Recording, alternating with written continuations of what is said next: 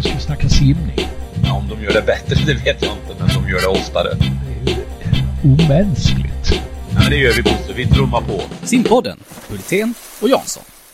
Så ja, nu rullar inspelning och allting ser bra ut. Eh, Vi har inträffat här eh, i datorvärlden. Eh, Måndagen den 25 september spelar vi in och det är Thomas Jansson och det är Bosse Hultén och så har vi dagens gäst Ulrika Sandmark. Kul att se dig Ullis. Kul att se er. Mm. Du, du sitter så fint där under en tavel eh, eh, belysning som inte våra lyssnare ser men vad är det på tavlan för någonting? Ja. Naturmotiv. Vanligtvis brukar jag ju sudda bakgrunden men jag är inte så van vid eh, Skype. Så jag vet inte var knappen sitter. Ja, den är längst ner till höger. Men eh, Okej. vi, vi är glada att du, du kan få bli lite upplyst där. Får se om vi blir upplysta av dig. Vi eh, har ju inte snackat med dig i den här formen sedan eh, du tog steget från förbundskapten till sportchef på simförbundet. Så jag, jag tänkte vi- tar chansen och fråga eh, vad innebar förändringen för dig och hur är det och känns det bra? Vad har du för arbetsuppgifter? Eh, Ja, Mm. Det är ganska svåra frågor. Ja, ja de är ju Eh. lagom svävande. Ja då. Eh, nej men jag har väl jobbat nu i snart två år i en helt ny roll som aldrig har funnits i simförbundet förut. Sportchef för alla simidrotter. Martina brukar ju säga att hon har världens roligaste jobb, men jag tror att jag har världens roligaste jobb. Också världens svåraste jobb, eh, tror jag. Eh, nu är man tillbaka ännu mer i det här eh, som jag upplevde tidigare när jag var huvudtränare i Väsby i många år. Att man jobbar både med anställda och ideella. Eh, det gjorde jag kanske inte lika mycket som förbundskapten. Eh, Nu är det väldigt mycket möten både på dagar, kvällar och helger. Jag kommer precis från en konferens i Nässjö med simhopp. Ehm, så att det är väldigt mycket jobb hela tiden men på något sätt, jag gillar ju det va. Det är ju därför jag har jobbat med det här. Jag tycker det är jättekul. Jag tycker det är utvecklande för mig själv och jag hoppas att jag kan hjälpa till på andra områden. Men vad jag gör då? Ja, det är ju jätteolika. Först har vi simningen då med 10 000 licensierade simidrott, eller simmare. Eh, och de flesta är ju anställda där. Så att där, och, och med en väldigt stor organisation vill jag säga också, proffsorganisation. Eh, anställd. Eh, så att där gör jag kanske lite mindre än vad jag gör i parasimning, eh, simhopp och konstsim till exempel då. Där jag går in väldigt mycket hands-on och eh, både hjälper till och ser till att saker stöttar och så vidare. då. Jag har ungefär en 13 anställda som jag är då chef över. Chef, jag tycker det är alltid jobbigt att kalla sig chef. Bollplank då, någonting sånt. Ehm, och ehm, försöker göra det på bästa sätt då utifrån de utmaningarna som de har i de olika simidrotterna. Så att eh, väldigt mycket para, eh, konsim simhopp skulle jag vilja säga då, har eh, li, lite open water då och lite polo. Ehm, och, och ganska lite simning. Så det har varit de här tre simidrotterna som har tagit väldigt mycket tid. Och det var kul. Hur har det varit att jobba med, ja, andra idrotter så att säga? Eh, polo eh, till Mm. exempel. V- vad gör du för stor nytta där tycker du? Nej, jag tycker inte jag gör jättestor nytta ännu, men jag försöker komma in med mina ögon lite utifrån då. Det är ju Stefan Casey som är verksamhets eh, eh, ansvarsutvecklare där och han jobbar 100 procent. Och då jobbar ju han både med utveckling och med landslag. Det är ju så att det är en utav våra utvecklingsidrotter, precis som konsimet. Där valde vi ju 2012 att ta bort landslagsverksamheten. Men nu är den på väg upp igen. Eh, Så att vi har liksom ingen jätteorganisation för landslaget varken i konsim eller vattenpolo men det håller på att skapas och där finns ju jag med runt omkring det. Eh, Så att polo, jag kan väl säga, jag har ju spelat polo själv. Mm. Så lite polo kan jag. Det gjorde jag i varje fall i två år i Järfälla. Eh, Så att jag finns med som ett bollplank för Stefan. Jag försöker, försöker komma med tankar utifrån de andra simidrotterna.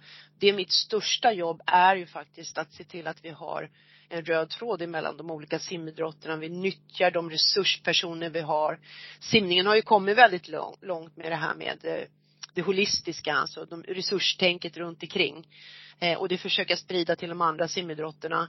Och vi har även Johan Wallberg då som jobbar med test och utveckling som också finns med eh, i de andra simidrotterna.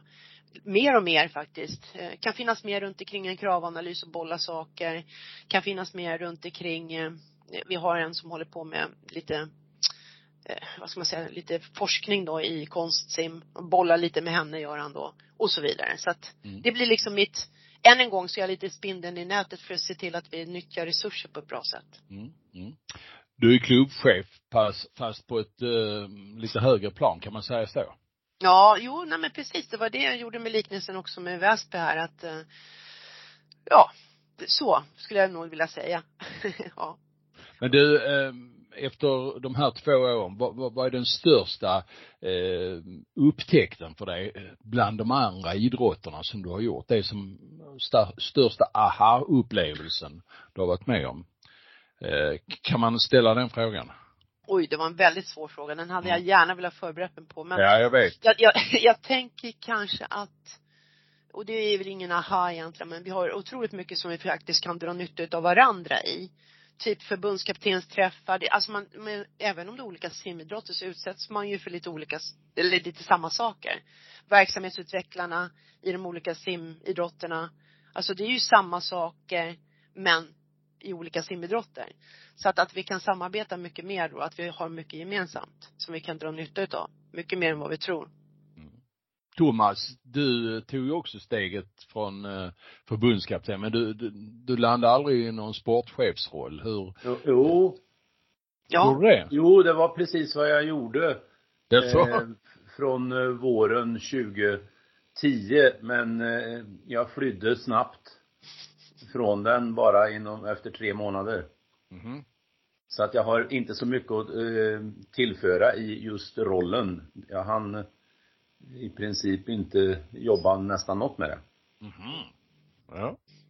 Men jag har en fråga här som är eh, lite kopplad till det här och mm, jag, jag skrev en, en artikel i Simma för snart 20 år sedan just kopplat till vad man kan ha nytta av de olika idrotterna, precis det här du är inne på. Det var inte så eh, jättegenomtänkt men det var ändå lite spår åt det här hållet. Men sen har jag funderat ibland och jag tror jag har varit inne på det i podden också. Eh, det finns ju risk att det finns en konfliktsituation i vårt, eh, att vi har så komplext eh, med fyra olika eller fem olika idrotter. Alltså de kolliderar ju någonstans i bassänger. Och det kan jag ju se framför mig att å ena sidan kan en klubb vara då bra för det här men den kan också vara en broms för att and, andra idrotter ska växa. Hur, hur diskuterar ni kring det här och hur, vad upplever du i den frågan? ja det där är ju jätteintressant. Eh, jag upplever att det är väldigt få klubbar som har många simidrotter. Det är väldigt få. Eh, jag tror att vi kan bli smartare. Alltså jag tror att det är smart att ha en bred bas när vi rekryterar. Eh, när man går från simskola upp till till exempel simgrupper så tror jag att det faktiskt jag vet att det är problematik med bassängutrymmet men jag tror, skulle man ha en simidrottsskola, alltså man får möjlighet att prova lite olika saker, tror jag faktiskt vi skulle få möjlighet att behålla simmare längre. Eh, jag tror på den här variationen utav olika typer utav saker. Ja men, ja men typ som man gör i Australien, att man faktiskt på sommaren gör man det ena, på, eh, då, till exempel håller man på och surfar och sen så på vintern så simmar man mer. Alltså en kombination utav olika saker. Eh, jag tror den, just den här från simskola uppåt. Jag vet att det görs en, en och det tror jag vi skrev om också i eh, Aqua Inspiration här. I Göteborg har man någonting typ, sånt just nu. Eh, jag tror på att vi kan bli smartare på sådana saker som till exempel simmare som börjar, ja men du vet, lägga av lite grann och kanske pytsa ut dem i vattenpolo. Klockrent. Eh, det finns så otroligt många saker som vi faktiskt kan samarbeta om runt omkring den biten. Men det finns en rädsla, absolut. Jag tror att vi är lite traditionella där, för det är ju som vi har sagt, alltså om man tänker över hela situationen hur det ser ut. Vi kan nog optimera många saker i det vi gör i vardagen. Jag tror inte man behöver vara så rädd för det här. Nu sitter jag och och säger så va. Jag förstår att det här är ett problem. Vi har ju också sett ibland hur man krigar i simhallarna. Men om man skulle försöka komma åt de här samarbetena så skulle man nog komma lite längre tror jag. Tror du att man skulle kunna nå större framgång i diskussion med de som ansvarar för baden oavsett det är privata aktö- aktörer eller kommunala aktörer att få mer tid genom att visa på liksom bredden bra fråga men jag, jag, jag vet faktiskt inte. Jag, eh, jag menar i deras tänk är det ju ett win-win hela tiden då- och är ju hela tiden frågan om vad winnet för dem i det är, tänker jag. Så det är ju det vi behöver hitta i så fall. Um, Men kommunerna borde ju vara välvilligt inställda till det, för deras win-win är ju att det är ett rikt idrottsliv. mm, om det är det de satsar på, vilket jag hoppas att det är. Ja. Det är det, det som är den stora frågan. Ja, ja. Jag kan ju- berätta att vi bedriver ju verksamhet i, i Hällefors nu, ett bad som officiellt eh, eh, öppnade i augusti men vi kom in under våren lite grann. Och där har man ju eh, i princip, om inte tagit ett beslut, men sagt att det ska inte vara några simtävlingar där. Det är en fyrabaners bassäng, men just den inriktningen kan ju lite grann kännas lite tråkig. Mm, mm. Ja, verkligen. Mm. Det är ju, Men det, uppsidan är då att vi får vara där och simma och vi har en egen nyckel dit. Ja, det- är ju en Ja, av de få ja. simhallarna nu för tiden som har en egen. Ja, Det, det är mycket värt. ja visst är det det. Ja. Så att, Men visst eh, finns det stora eh, synergieffekter träningsmässigt om man skulle kunna samarbeta över idrottsgränserna, kan jag tycka. Absolut. Och sen så tänker jag också att allt behöver väl inte vara så traditionellt hela tiden. Jag tänker, nu, nu kanske jag, det här vet inte jag för jag har faktiskt inte pratat om det, men måste en, en liksom, måste en poloplan alltid vara lika stor liksom? Jag vet att polon i Eriksdalsbadet har ju pratat om att de gärna skulle vilja köra samtidigt som man tränar inne, tränar simning. Alltså, att man delar på bassängen, men det får man inte göra. Um, för att man kan få en boll i huvudet och sådana saker. Så det finns ju ibland saker som regler och vi har ändå pratat med badet ett antal gånger. Eh, Men det där är ju en stoppkloss. Det är det ju. Mm, mm, mm. Häng ner ett nät. Jo, Ja. ja. precis, exakt. Det, det finns ju lätta saker att lösa det med tycker man. Men, men ja, vi kan tycka det. Ja, I det fallet Eh. har vi rätt. Ja, jag jag håller med. Vi har rätt. Vi har ju rätt i många fall. Du, ja, spännande. Det här är ju verkligen eh, en styrka i, i simidrotten, att kunna ha de här idrotterna inom sig och kunna utnyttja dem på rätt sätt. Så det är väl bra att vi börjar hitta samarbeten där. Men eh, det är viktigt att det förs ner på klubbnivå och att man förstår att inte konkurrera. Eh, ofta blir det ju så att man ser närande och tärande i den här verksamheten. Det jag har sett så vet jag ju att det är många som har vänt sig mot att eh, eh, verksamhetsgraden till exempel i simhopp är mycket lägre med antalet deltagare i en grupp kontra simning. Och det gör ju att intäkterna skiljer sig åt och ja, hela den diskussionen som kan bli va. Eh, men jag ser det ju som jätteviktigt. En elitsimmare, eh, herre, 38 år som får träna lite konstsim ett pass. Mm. Eh, det är minsann ingen eh, dans på rosor tänkte jag säga. Nej, men det, det, är, det är tuff träning. Ja, herregud, en jättetuff träning. Det är det verkligen. Mm. Jag vet ju att det är ju några, eh, framförallt Västerås då, som eh, är ju, Västerås simhopp är ju en gymnastikklubb. Så att, så att de, och det där tror jag, just simhoppet är så stor skillnad mot de övriga simidrotterna och går ju mer då mot gymnastik eller parkour eller någonting sånt då. Så att eh, det är också spännande tycker jag för att är det någonting som vi behöver bli bättre på, vi börjar väl bli bättre på det, men så är det ju det här med gymnastik och landträning och sådana saker och det är också en sån här samarbets, eh, del så att säga då. Mm. Men några klubbar är väldigt duktiga på det här tycker jag. Där man liksom verkligen drar alla simidrotter över en kam i klubben och, och, och drar nytta utav dem helt enkelt. Mm. Så att, eh, Kul att höra. ja det är Du-.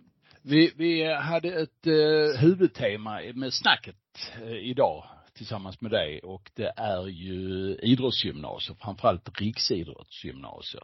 Det finns eh, två riksidrottsgymnasier, det finns ett antal eh, simgymnasier. Berätta för oss om organisationen så börjar vi snacket där någonstans. Japp. Eh, hur du Vi har, ja, vi har två RIG då. Eh, ett i Helsingborg och ett i Jönköping. Eh, och eh, det betyder ju att det är riksintag, alltså över hela Sverige då. Eh, så man får söka dit. Eh, och det är ju ganska många som söker varje år. Sen så är det då fyra stycken ungefär som tas ut per år. Sen har vi NIU som är mer lokalt. fyra stycken till varje Ja, exakt. Mm. Tack. Fyra till varje. Sen har vi 21 stycken nationella idrottsgymnasium då. då.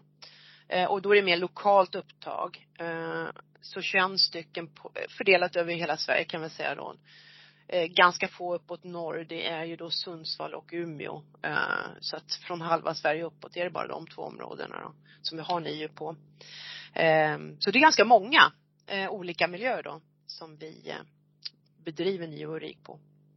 Mm. Eh, om vi tittar då eh, enkom på de här riksidrottsgymnasierna placerade i Helsingborg och Jönköping, starka eh, sim orter. Eh, varför har de landat där? Ja, ni kan ju historien också. Vi hade ju simgymnasier förr i tiden i Älvsbyn, Klippan, eh, Nyköping, ja. Kumla. Ja, och då, då ja, Hall, Hallsberg. Hallsberg, Hallsberg. Ja, och då på den tiden så, så eh, hade man ju mer tänket att man la det, man la det i en miljö och sen så flyttade man organisationen dit. Sen funkade inte det. Eh, det blev som jag har uppfattat det då, och ni får rätta mig om jag har fel, men det blev lite sämre och sämre kvalitet på de som sökte och så vidare och sen så la man ner det då. Eh, sen så bestämde vi då, eh, Henrik Forsberg tillsammans med, ja, jag fanns med där någonstans också, 2017, att starta upp Rigen igen då, då. Och då valde vi Helsingborg först som en eh, miljö med eh, en egen bassäng de driver. Det fanns allt på plats, tyckte vi en bra organisation och så vidare runt omkring. Um, och nästa blev då Jönköping med liknande, en bra miljö. Vi brukar titta på bassäng, vad finns det för, var ligger skolan, vad finns, vad kan skolan ställa upp med, uh, ja, vad ligger någonstans i Sverige och så vidare. Så att därav hamnade på de ställena att det fanns en uh, organisation runt omkring. Mm. Och eh, 2017, sex år uh, framåt här, om du lite kort ska tycka och känna hur, hur har det fungerat under de här åren? Nej men jag tycker att det har fungerat bra. Däremot så är det väldigt, väldigt svårt att äh, göra urval i de här åldrarna, i gymnasieåldrarna. Äh, det är extremt svårt. Äh, så att Ja, det är väl det som man tänker på då. Jag vet att, att GH har gjort en undersökning vad heter han, Falström har gjort en ganska nyligen här då på alla riksidrottsgymnasier eh, just utifrån den här eh, punkten då, att det är svårt att, att träffa rätt liksom. Vilka är de då som ska vara på de här gymnasierna? Så det är svårt. Mm. Eh, vi har ju då när vi gör de här urvalen så träffar vi ju personerna, pratar med dem. Det handlar väldigt mycket om mogenhet. Att flytta hemifrån är en jättestor grej. Eh, och så vi lägger ganska mycket tid på just den biten då. Eh, och eh, även prata med föräldrarna om det. Det handlar om teknik. Eh, alltså vad har man för teknik och vad har man för målsättning. Vi trodde vi kunde mäta grit. Det hade jag önskat att man kunde göra, det vill säga den här mentala uthålligheten i, i att göra någonting. Men det har våra eh, idrottspsykologer sagt till att, att det kan vi inte riktigt. Men vi brukar ändå ställa några frågor som handlar om det idrottspsykologiska. Eh, vi tittar på träningsbakgrund. Och där är det ju en fördel om man har kommit ganska långt utan att ha tränat jättemycket liksom. Så att man kan lägga på, ha en progression i det hela. Um, och så tittar vi även på vad man har för möjligheter hemma i den miljö man redan är i då. Alltså man kanske har en bra miljö redan. Um, så det är de grejerna man tittar på då. Och sen så faktum är ju, i den här åldern så ligger ju killarna väldigt långt efter. Om man tittar på fina poäng så är det ungefär 100 fina poäng efter tjejerna. Eh, så att där behöver man ju göra en, det är också svårt liksom. Tjejerna ligger så mycket före. Eh, men att göra en bedömning utifrån det också då. Vad det finns för, ja, vad, vad tror vi utvecklingspotentialen är? Och det blir ju ganska, det blir lite subjektivt. Vad ligger kravspecifikationen när vi snackar eh, fina poäng för intag till eh, riksidrottsgymnasiet? Jag tror att 550. Vad, vad hade vi skrivit? 550 står det i de ja. officiella papperna, men gärna över 600. Precis. Det är ju för att när man ska söka till, eh, och det är ju för att vi fick väldigt många ansökningar som också var en bra bit ifrån och då tänkte vi så att man inte ska tro att man kan söka in till ett riksidrottsgymnasium om man har för låga fina poäng. Så därför satte vi en nivå där. Sen men, de som vi tar in, det kan vara, det kan vara varierande. Ja. Men du var inne på eh, skillnaden pojkar och flickor här, men det är samma poängkrav. Ja, 550 är ju eh, Ja, oavsett. Ja. ja, det är det. Alltså för att ansöka. Ja. Ja. Mm. Så det betyder att ett riksidrottsgymnasium med fyra årskullar ska egentligen innehålla 16 simmare? Ja, och där, så? ja precis och, och där har man ju varit lite mer uttalad i Helsingborg att man säger att det är fyra år medan man inte gör det i Jönköping då. Ehm, så att i Jönköping har vi just nu 14 stycken och i eh, Helsingborg 16. Mm, mm. Och vi tror ju på det där någonstans, samtidigt som det är individuellt såklart. Eh, Men vi tror ju på att få lite mer tid på sig att eh, göra klart sina studier. För vi vet ju att våra simidrottare är ju extremt, eh, vad ska man säga, prestationsinriktade även i skolan. De är ju Mm. duktiga i skolan oftast. Så att Mm. de har ju höga krav på sig själva också där. Det intressanta, du gör ju en jämförelse här mellan då och nu va. Eh, att eh, man i dagens läge tittade efter, eller ja, när man planerar riget, då tittar man efter var det fanns en organisation så placerar man simmarna där. Eh, tidigare så placerar man en organisation på in the middle of nowhere om vi säger så, där det fanns ledig plats och utrymme och lät organisationen hamna där istället. Eh, nu efter sex år, känner du att eh, eh det tänket håller fortfarande? Ja men det tycker jag nog men eh, det är klart att man kan ju alltid liksom tänka på olika sätt. Eh, det kan man nog. Men, men jag tycker nog det. Alltså för oss har det ju den här helheten och röda tråden är ju viktig. Om vi tar till exempel eh, eh Jönköping då så har vi haft Jakob Fredriksson där, eh, eller haft, vi har. Eh, och eh, han började ju på 25 procent eller 30 procent någonting sånt och jobbade han även i klubben och att kunna ha den här eh, vad ska man säga, även röda tråden runt omkring. De ska ju erbjudas eh, även eh, träning på kvällarna ju, i den i befintliga miljön liksom. Och att kunna bygga runt omkring en röd tråd. Alltså det här med röd tråd brukar jag prata ganska mycket om och har gjort i många, många år. Att kunna finnas runt omkring en, en miljö, säger jag nu, det kan ju vara en klubb då, en miljö, som har en röd tråd. Då menar jag en utbildningstråd där man, det, han, det som är viktigt är inte bara det som sker i bassängen utan vi behöver ju även ta ett ansvar för att eh, utbilda aktiva tränare och föräldrar i kost, sömn, fys ehm, och eh, idrottspsykologi. Tycker jag. Eh, och att kunna ha det då runt omkring en klubb eller miljö på det sättet, ehm, det är bra, tycker jag. Eller jag tror att det är, faktiskt är jätteviktigt, om jag ska vara ärlig. Så jag tycker inte att man ska förlita sig på att det är landslaget som ska stå för de här bitarna utan man bygger det i sin egen miljö. Det behöver inte kosta speciellt mycket.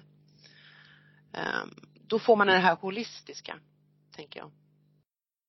En, en liten ytterligare tillbakablick och några kompletteringar. Det, det startade ju på tidigt 70-tal nere i Klippan. Mm. Och det sista som startades var i Nyköping 92 eller 93. Mm. Jag var med i organisationen när det startades. Jag var också tyvärr med när det lades ner Mm. runt 2009, 2010 och när man betraktar det bakåt så skulle man kunna, eh, skulle jag kunna beskriva det på det här viset att de första 20 åren så var det ändå ganska bra för svensk simning. Det var, det var känslan men sen någonstans i i vågen av, eh, om jag lite vanvördigt säger, egoismens tecken som kom på 80-talets slut i allmänt i samhället som man kan se i olika, olika, eller olika sammanhang så blev det svårare att rekrytera. Och om det berodde på då att simtränarna hemma eller klubbarna hemma höll i simmarna mer eller ej, det vet jag inte men det blev då lite utvattnat kan man säga va? och eh, jag kan ju konstatera att nedläggningen i Nyköping som gick i, i och för sig riktigt snabbt men tyvärr så eh, bidrog jag inte till att vi gjorde någon större ordentlig utvärdering. Eh, Mm. och det tror jag inte heller det gjordes fullt ut när det lades ner på de andra ställena. Därmed inte sagt att det var ett felaktigt beslut va, men jag kan konstatera att det kanske saknas lite underlag. Mm. Men, det jag funderar på den här skiljelinjen om man nu eh, tänker sig att eh, eh, man lägger det på då beprövade ställen där det finns en hög form av, hög professionalism etc. Som det gör i Jönköping och Helsingborg. Så skär man ju ändå, ursäkta uttrycket, 10 till 15 timmars bassängutrymme från den klubben. Eh, det kan jag se som en konfliktsituation. Mm. Även om det finns generösa möjligheter i då Jönköping och eh, Helsingborg. Eh, och, då, och då är då min fundering, lägger man någon vikt i hur, hur kommer nu den här klubben att utvecklas? Om vi nu tittar på Helsingborg och Jönköping, har de mått bra av att det finns ett RIG? Har det hjälpt dem att bli starkare? Då skulle ju det kunna vara ett incitament och en fundering kring att det inte då ska ligga på sådana starka ord, eh, simfästen. Mm. Jag har inte fått några andra eh, indikationer än att man har kunnat dra nytta utav både och. Eh, men eh, det kan ju ligga något i, det du säger med det här bässängutrymmet och så vidare. Eh, såklart. Mm. Och då frågar man sig, Jansson, har du någon följdfråga på detta?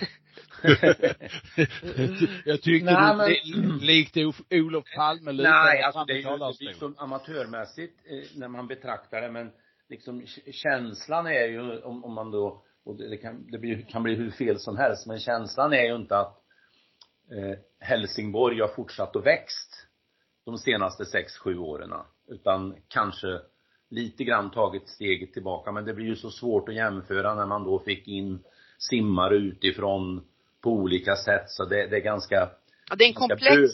Ja, det, det, är ju det va. Ja, för det, för det är många olika. Om, om man skulle försöka göra sig fri från det och att vi hela tiden pratar om, inte hela tiden, men ofta tar vi upp det här med vikten av bassängutrymme etc. Mm.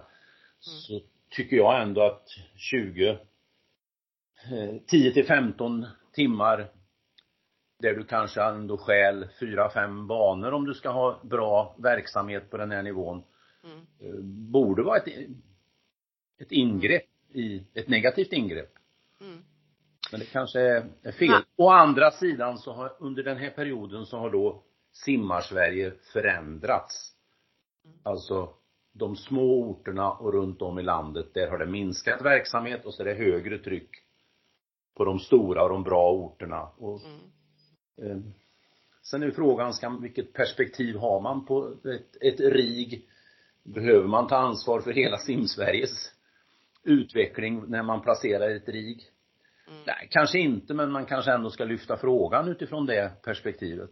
Mm. Jag brukar, alltså, man kan ju också se ett win-win i den här gold medal environment, brukar jag prata om. Eh, jag kommer ihåg när vi hade i Väsby, där, att man hela tiden hade, om man nu tänker sig att de här simmarna som kommer in i RIG ligger lite snäppet bättre då än vad Helsingborgssimmarna gör. Så är det ett win-win för dem att det finns lite konkurrens där. Mm. Banan bredvid eller om de ibland mm. kör tillsammans också. Så att jag tror att Helsingborg har sett det så och även Jönköping att man liksom kan dra nytta utav eh, de här simmarna för sina egna simmare. Eh, men det är klart, det är ju plats också. Så är det mm. Ja. ja.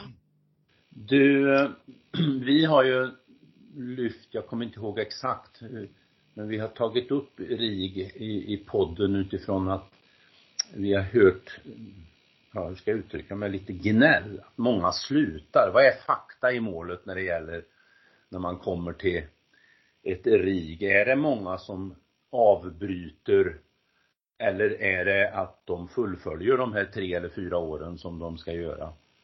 Vad är Nej. fakta i målet? Ja, fakta i målet är att de fullföljer. Jag vet, jag tror jag vet en eh, som kommer upp i mitt huvud nu då, eh, i eh, Helsingborg som har avslutat och en i Jönköping om jag har rätt nu. under de här åren. Eh, nej, alltså jag tycker att vi har bra fakta på att man fortsätter och det är det som är målet. Att man, jag menar antingen att man fortsätter på NEC som i Sofia Åstedts fall eller att man då åker till USA eller om det finns någon annan miljö man kan vara i hemma kanske då. det är ju målet med eh, både RIG och NIU att den ska fortsätta. Diesel lägg av. Fan, förlåt. Ja men det, vi har mycket hu- hundar med i det här programmet också. han höll på att snaff, snuffa dig i någonting här. Oj, där ligger. Eh, nej, nej, den uppfattningen har jag inte. Däremot så tror jag kanske på NIO att det är så. Eh, och sen så vet jag väl nu då att eh, för själva intaget på RIG så var det vi hade tagit ut som sen avböjde här då. Men inte att man slutar under eh, perioden. Nej. Eh, det, det förekommer, men, men det, det är väldigt få. Väldigt få. Finns det någon eh, tanke att vissa simmare ska ta sig till Jönköping och andra Ja. ska ta sig till Helsingborg? Vi försöker ju ha den eh, tanken att det ska vara lite mer medel och distans i Jönköping och lite mer då sprintmedel i eh, Helsingborg. Så det är själva tanken då. Eh, Att försöka samla då, som i Jönköping har vi ju Humling och Häll och, och så vidare liksom. Med några andra distanssimmare. Ted Wikner och så vidare. Så att det blir en grupp och, och det är väl också tanken liksom. Jag tänker det här för att få till distanssimmare så behöver man nog ha lite grupptänk där. Att man hittar en grupp som tycker det är kul att köra där ihop. För att få Man till det behöver här. simma mycket. Ja, man behöver simma mycket och då behöver man hitta styrkan i varann och sådana saker. Ja, behöver man en coach. Man behöver en coach som verkligen prioriterar distanssimning. Du, hur sker utvärdering? Alltså, eh, återigen lite slarvigt uttryckt. Jag upplever att när simmare drar sig till USA, om jag generaliserar, Mm. då blir det ganska långt avstånd mellan hemmaklubben och verksamheten i USA och där tappar man någonstans en hel del i kanske karriärsplaneringen eller upplägget framåt. Hur ser utvärderingarna ut mellan klubbar och eh, RIG-tränarna så att säga? Eh, ja, hur, hur jobbar man? Hur tätt tillsammans jobbar man? Från hemmafront och RIG? Först vill jag bara säga en sak om USA. Det är ett eh, prioriterat område vi har just nu. Just precis det du säger. Ska vi få till det här på ett bra sätt, vi har så många som i USA, då måste klubbtränarna bli bättre på att ha kontakter med sina USA-aktiva. Planera in att åka dit på besök, prata med coacherna, se till att ha eh, möte med de här amerikanska coacherna. Ställ lite krav på dem och de kommer vara jättemotvilliga men, men fortsätt. För att eh, vi släpper dem och, och det kan vi inte göra, tycker jag. Och så det prioriterar vi, vi nu i landslag, både simhopp och simning. Men här behöver ju simtränarna stöd av klubbarna också.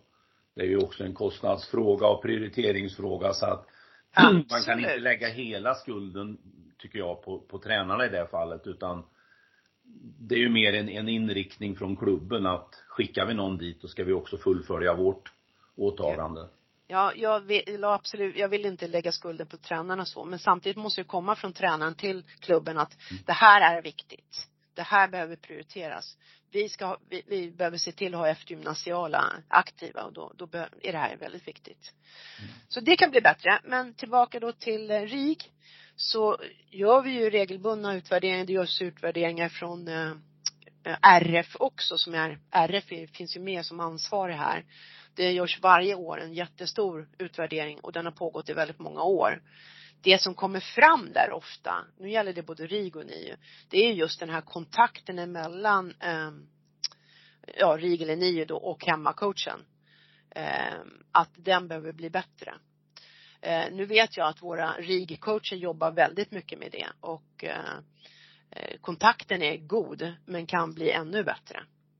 Eh, så att eh, den är väldigt, väldigt viktig. Och det är väldigt viktigt också, tänker jag, att eh, RIG-coacherna, vilk- vilket de gör vet jag, bjuder in hemmacoacherna och att hemmacoacherna verkligen kommer och visar att de tycker att det är viktigt då med den här miljön som de är i. Den, den är viktig, men kan bli ännu bättre. Eh, Eh, Om det kommer en, en hemmaklubbstränare och, och gnisslar och gnäller lite som vi tränare gör ibland.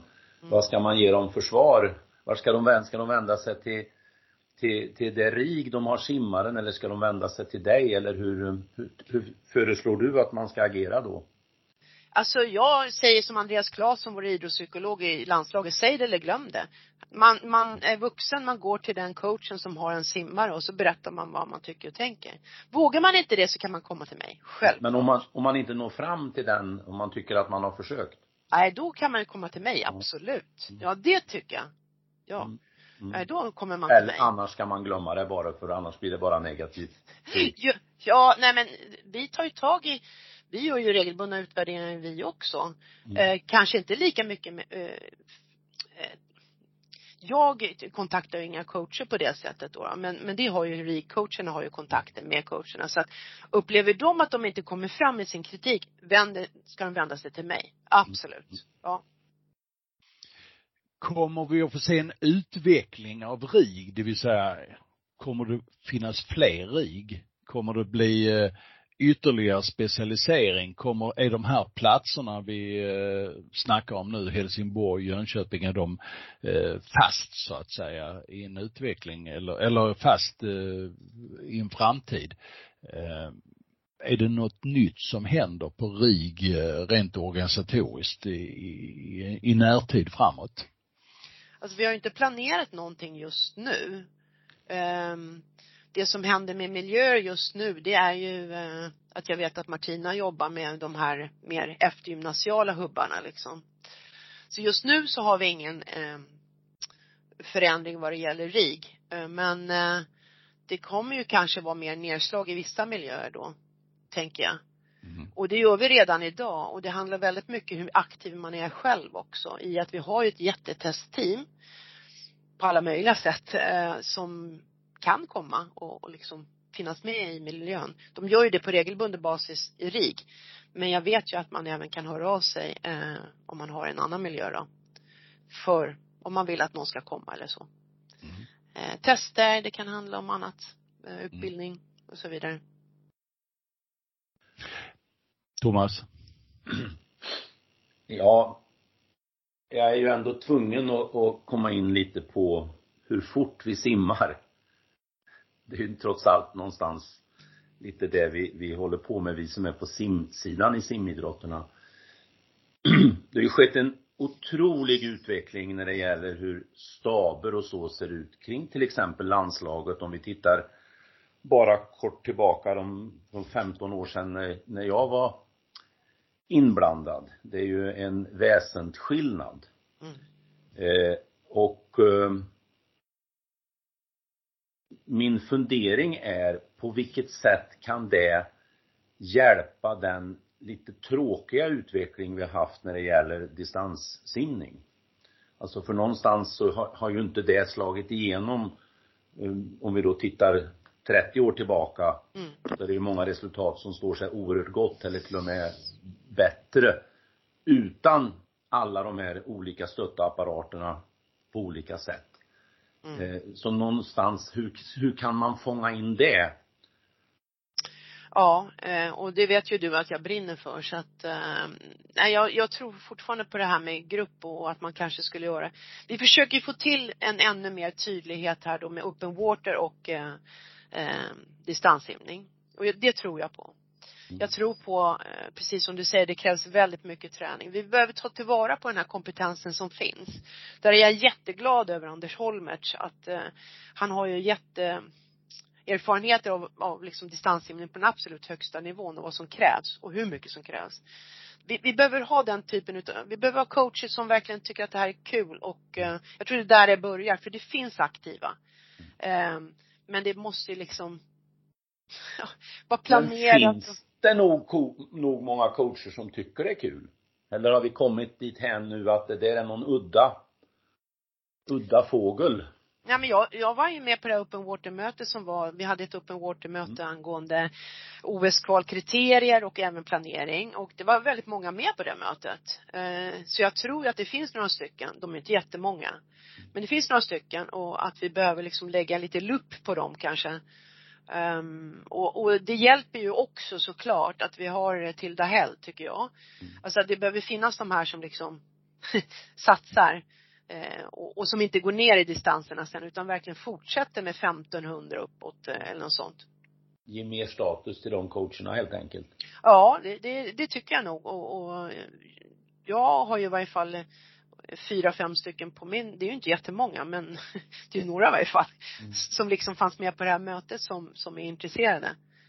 Ehm, så att, och jag tror som, än en gång att jättekul med Anders Holmertz. Jag bara tänker på eh, hur man på ganska kort tid, nu har inte jag hela bilden, men det, jag har bara sett det utifrån, men på rätt kort tid hur man bygger en miljö där man också får de aktiva att tycka att det är kul med distanssimning. Eh, det är intressant och eh, ja, det ska vi ta tillvara på tycker jag. Mm, absolut. Mm. Eh, om du tittar på riksidrottsgymnasium om tio år, hur kommer det se ut då? Kan man eh, ana en sån utveckling? Och alltså, det andra svåra frågan som jag Mm. känner att den där skulle jag behöva tänka ännu mer på. Nej men för, för jag tänker, jag tänker lite så här och du var inne på det tidigare att eh, de här tidigare eh, riksidrottsgymnasierna, Klippan, Hallsberg, Älvsbyn, Nyköping, de strandade lite och det flöt ut i sanden av olika orsaker. Vi behöver inte ta upp vilka orsakerna eh, var här, även om man kan tycka om det. Själv har jag ju varit tränare eh, eh, på riksidrottsgymnasium så eh, jag vet ungefär känslan va. Eh, då höll inte konceptet av olika anledningar. Eh, det är ju en helt annan bild idag, helt annan gedigenhet. Men frågan är, var finns de svaga punkterna? Eh, har man eh, förstått sig på och analysera dem? Och hur kan man stötta den här apparaten så att fungerar över tid, kan jag tycka. Kan man rekrytera eh, riksidrottsgymnasietränare och kanske inte låta dem vara kvar i all evinnerlighet på de här posterna utan eh, se till att eh, man byter lite emellanåt och, och har det mer som projektjobb. Eh, kan man utveckla det här med kommuner? Var finns svagheterna i kommunerna? Är de intresserade av det här eh, från kommunhåll och hur mycket pengar stöttar till exempel Helsingborg och Jönköping in i den här verksamheten? Då snackar vi från kommunernas sida. Stöttar de Hur någonting? många frågor var det här? Ja, det var jättemånga. Det är, det är liksom så här, wow. Okej, vänta, vi börjar med den här. Jag har faktiskt en, en vision. Jag tänker så här, det har vi faktiskt påbörjat här nu. Självklart så är det så här att eh, våra riksidrottsgymnasier ska ju se till vi vill att alla ska fortsätta att utvecklas efter gymnasiet, alltså att man har en, en bra utvecklingskurva. Och eh, hälften utav dem bör ju gå vidare till NEC och hälften bör ju då finnas i en befintlig seniornivå i Sverige eller USA och fortsätta utvecklas. Så tänker jag. Eh, jag tror ju jättemycket på det här som också ni har pratat om med att vi slutar alldeles för tidigt och det finns väldigt mycket kvar liksom att utveckla. Eh, sen var det tio frågor till. Ja, ungefär. Nej, men, men, jag ställer frågan, hur, hur kommer det att se ut framöver? Eh, du har betonat kopplingen med träningen som kommer efteråt. Kopplingen till exempel till svenska universitet. Mm. Finns den? Mm. Eh, hade man kunnat se att man hade kopplat RIGen till, inte bara NEC Stockholm, utan andra eh, högskoleenheter också. Mm, absolut. På det samarbetet. Ja, absolut. Och då börjar ju det ett samarbete, tänker jag, som kanske nu i Skåne då, i den här eh, hubben, ehm, eh, landslagshubben som har börjat. Eh, och självklart, ja, Malmö universitet är ett sådant ställe. Eh, vi har ju samarbete både med GH KTH, men det var ju än en gång Stockholm då. Umeå finns ju och så vidare. Så det finns ju, eh, jag kan säga det att under den här hösten, sommaren, så har vi fördubblat antalet RIU-ansökningar. Alltså man kan ju söka till eh, ett eh, säte då, ett eh, eftergymnasialt säte oftast ett universitet, det kan vara ett, en högskola också. Och då kan man få ett intyg ifrån oss om man tillhör de tio, rankat bland de tio bästa i en gren. Och då får man en viss service ifrån skolan i form utav att man kan flytta tentor och man kan få annan typ av service. Eh, och då kan man alltså koppla det ihop med, då med sin satsning. Men vi har inte riktigt de här eh, hubbarna ännu, men det har påbörjats i Skåne, det vet jag. Det har Martina koll på.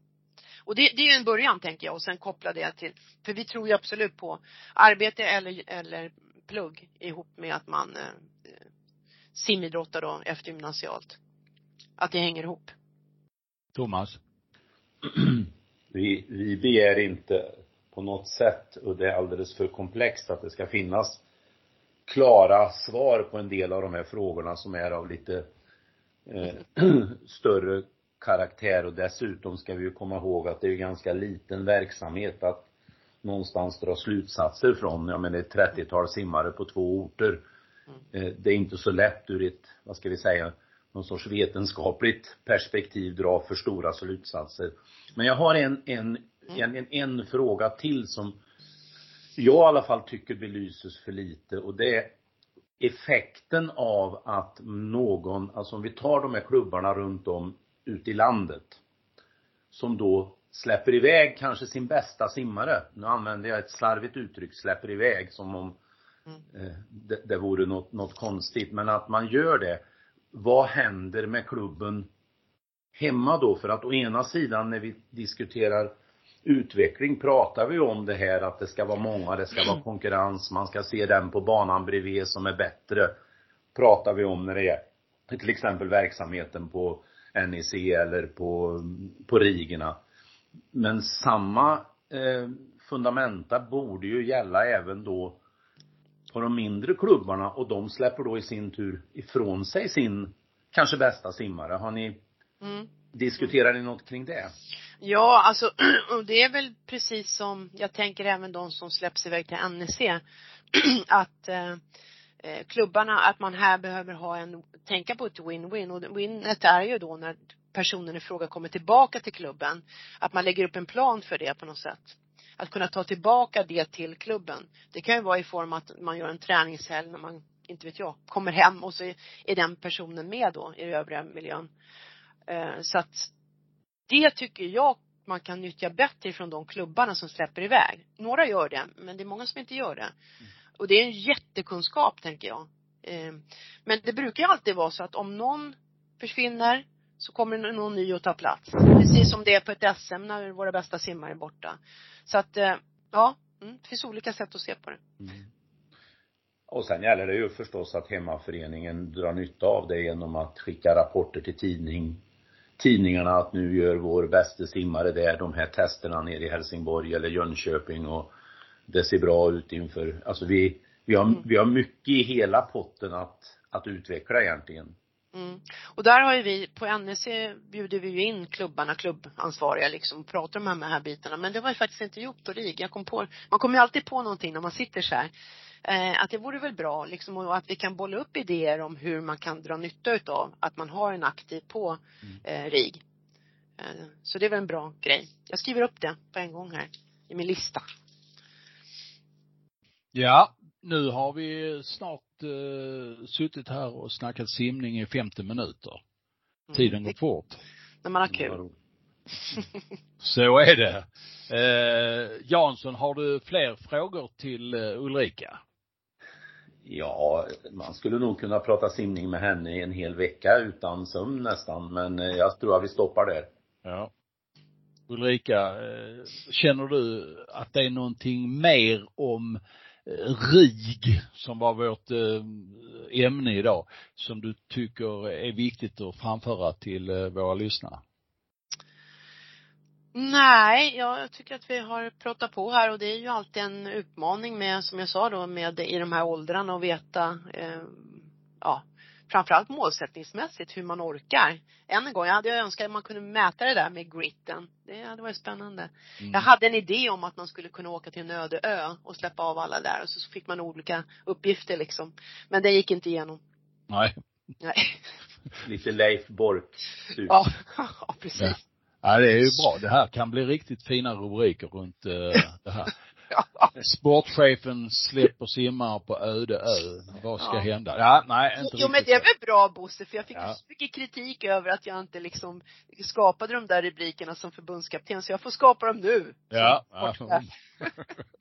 Härligt. Ja men det är härligt att ha dig med Ulrika. Eh, vi kommer säkert att landa i fler diskussionsämnen framöver men eh, nu har vi blivit lite klokare om det här runt eh, riksidrottsgymnasier. Och eh, tack för att du var med idag. Mm, tack för att jag fick vara med. Ha det så bra. try- trycker vi på stoppknappen och eh, säger hej och tack. Nu ska vi snacka simning. Ja, om de gör det bättre, det vet jag inte, men de gör det oftare. Det är ju omänskligt. Ja, men det gör vi Bosse, vi trummar på. Simpodden, Hultén och Jansson. Ja, så ska vi avsluta den här Eh, Simpon, simpodden Hultén och Jansson med ett litet nyhetsblock. Det har ju simmats eh, GP-tävlingar under helgen här i Upplands Väsby med Väsby simsällskap som arrangörer. Eh, när du tittar in i resultaten Jansson, eh, vad slås det av eh, från GP i eh, Väsby? Ja, flera saker egentligen. Dels en sak, det här ska ju vara näst efter våra två mästerskap kanske den, den största tävlingen. Ja, vi ska inte glömma Swim Open, men den är ju ett lite annat stuk på. Och med det perspektivet tycker jag ändå att det är lite för få simmare på plats. Eh, konkurrensbilden blir för svag i för många grenar och blir inte på den nivån som egentligen ett GP ska visa. Men det var ändå en hel del simmare där som då också gjorde bra ifrån sig. Vad Men tänker Victor- du då på? Ja, då tänker jag på Viktor Johansson som ju drog igenom helt eh, godkända kan jag tycka utifrån eh, bakgrund och läge 2, 4, 8 och 1500 frisim. Tog en, en tuff helg där. Eh, jag tänker på Sara Junevik som simmade eh, snabbt på 50 frisim, 100 frisim, 100 fjäril till exempel. Eh, vi hade Erik Persson där, simmade väl kanske lite långsammare än, än eh, jag hade hoppats få. 2.08 i, i, i kort på bröstsim är ju väl långsamt kan jag tycka men så, vi har ju inte hela bakgrunden där. Samuel Törnqvist simmade ganska fort på 100 ryggsim. Eh, strax under 53. Eh, Dock en bit ner till EM-kval. Eh, Sofia Åstedt under två minuter, 1.58 på 200 och simmar, eh, hade 54.46 på 100 frisim, var tvåa där efter nämnda Sara Junevik som hade 53.98. Så, så Lisa Nystrand såg ju stark ut på 400 medley. Pers med en sekund tror jag. Och eh, simmade också ett eh, bröstsim på 2.27. Jag har ju sett henne nu några gånger simma bröstsim och mm, hon simmade ett, ett ganska bra bröstsim. Frågan är om inte det är väl så stora möjligheter för henne på den distansen som på medley och just att vara stark i bröstsim passar ju också bra ihop med medleysimningen. Så att det var ju, de gjorde det ju bra och många av dem simmade ganska fort i försökerna, vilket ju också är bra. Eh, men för få simmare av rang var det där tycker jag. Sen fanns det ju en liten krydda där som, i och för sig hade jag ju eh, ute på nätet fått klart för mig att Stefan Nystrand hade lite funderingar på hur fort man kan simma ju när man har uppnått 42 års ålder. Och så tittar jag då i, i, i prislistan eller försökerna på 50 frisim. Och då dyker han upp där. På 23 och 13. Och kvalificerar sig till final. Och inte bara han, Peter Stymne. Eh, två tiondelar långsammare, 23 och 32 tror jag, också vidare till final. Och det där tyckte jag, alltså jag, jag gillade det av många skäl. Det, det här att visa dels att det verkligen är på riktigt att det går att simma fort långt upp i åldrarna. De har ju sina perstider från dräkterna och när de var då 15 år yngre, nu passerat 40. Det tyckte jag var kul. Sen blev det lite antiklimax för jag såg dem inte i finalen. Då valde de, men det, det kanske var, de kanske ville göra det här som en kul grej och simma försökerna och det är väl upp, upp till dem. Men det tyckte jag var också en, en trevlig sak från Väsby. Mm. Sen har det tagits ut en EM-trupp också. Har du några åsikter om den? Den är inte helt eh, uttagen ännu. Ja, jag, har- jag har så många åsikter så jag tror Martina sätter öronproppar i öronen. Nej då. Eh, ja, det har tagits ut eh, tio damer och tre herrar. Eh, och Martina kallar ju det här, Martina Aronsson är ju vår förbundskapten. Det här är ju ett av avstampen mot OS nästa år. Eh, och sen kommer man och eh, komplettera truppen eh, dagen efter att SM i Göteborg är klart. Det finns ju en kvalperiod här som sträcker sig då från eh, 22 september fram till 26 november för att ta sig in. Och när jag tittar då i de här kvaltiderna så är det ju det här hårda kvaltider som vi har. De baseras på 16 tid på EM 2019, 2022, nej 2021. Eh, och jag, jag, jag, undrar verkligen om det främjar vårt läge, vår position i simningen nu att skruva på att ha hårda kvaltider som vi nu har haft i ja, i tio år och lite förenklat. Ehm, så det är en synpunkt. Är det rätt väg verkligen?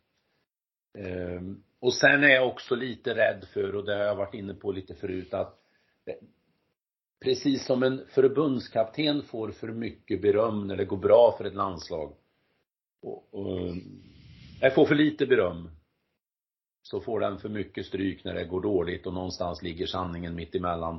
Och jag upplever ju ibland att vi övervärderar våra 25 meters resultat så kraftigt. Vi kan dra det bakåt och se vad blir utfallet egentligen när vi kommer till de skarpa tävlingarna. OS, VM långbana. Men visst är det ett avstamp, men man kanske inte får ta EM-resultaten alltför... eh, ta alltför allvarligt på dem. Mm. Du, eh, har vi något mer inom ramen för det här nyhetsblocket som avslutar dagens eh, simpodden Hultén och Jansson? Nej, vi fick ju en lång och härlig intervju med Ulrika som gav vissa klarläggande, kanske på sikt eh, ger nya frågor. Eh, så att det är väl, det är väl bra att sätta punkt nu. Mm. Härligt. Då gör vi det och eh, vi tackar lyssnarna för att ni har orkat vara med oss. Vi kommer tillbaka snart i en dator, en telefon, ja, vad ni vill nära er. Ha det gott så länge. Nu ska vi snacka simning. Ja, om de gör det bättre, det vet jag inte, men de gör det oftare. Det är ju omänskligt. Ja, men det gör vi Bosse. Vi trummar på. Simpodden, Hultén och Jansson.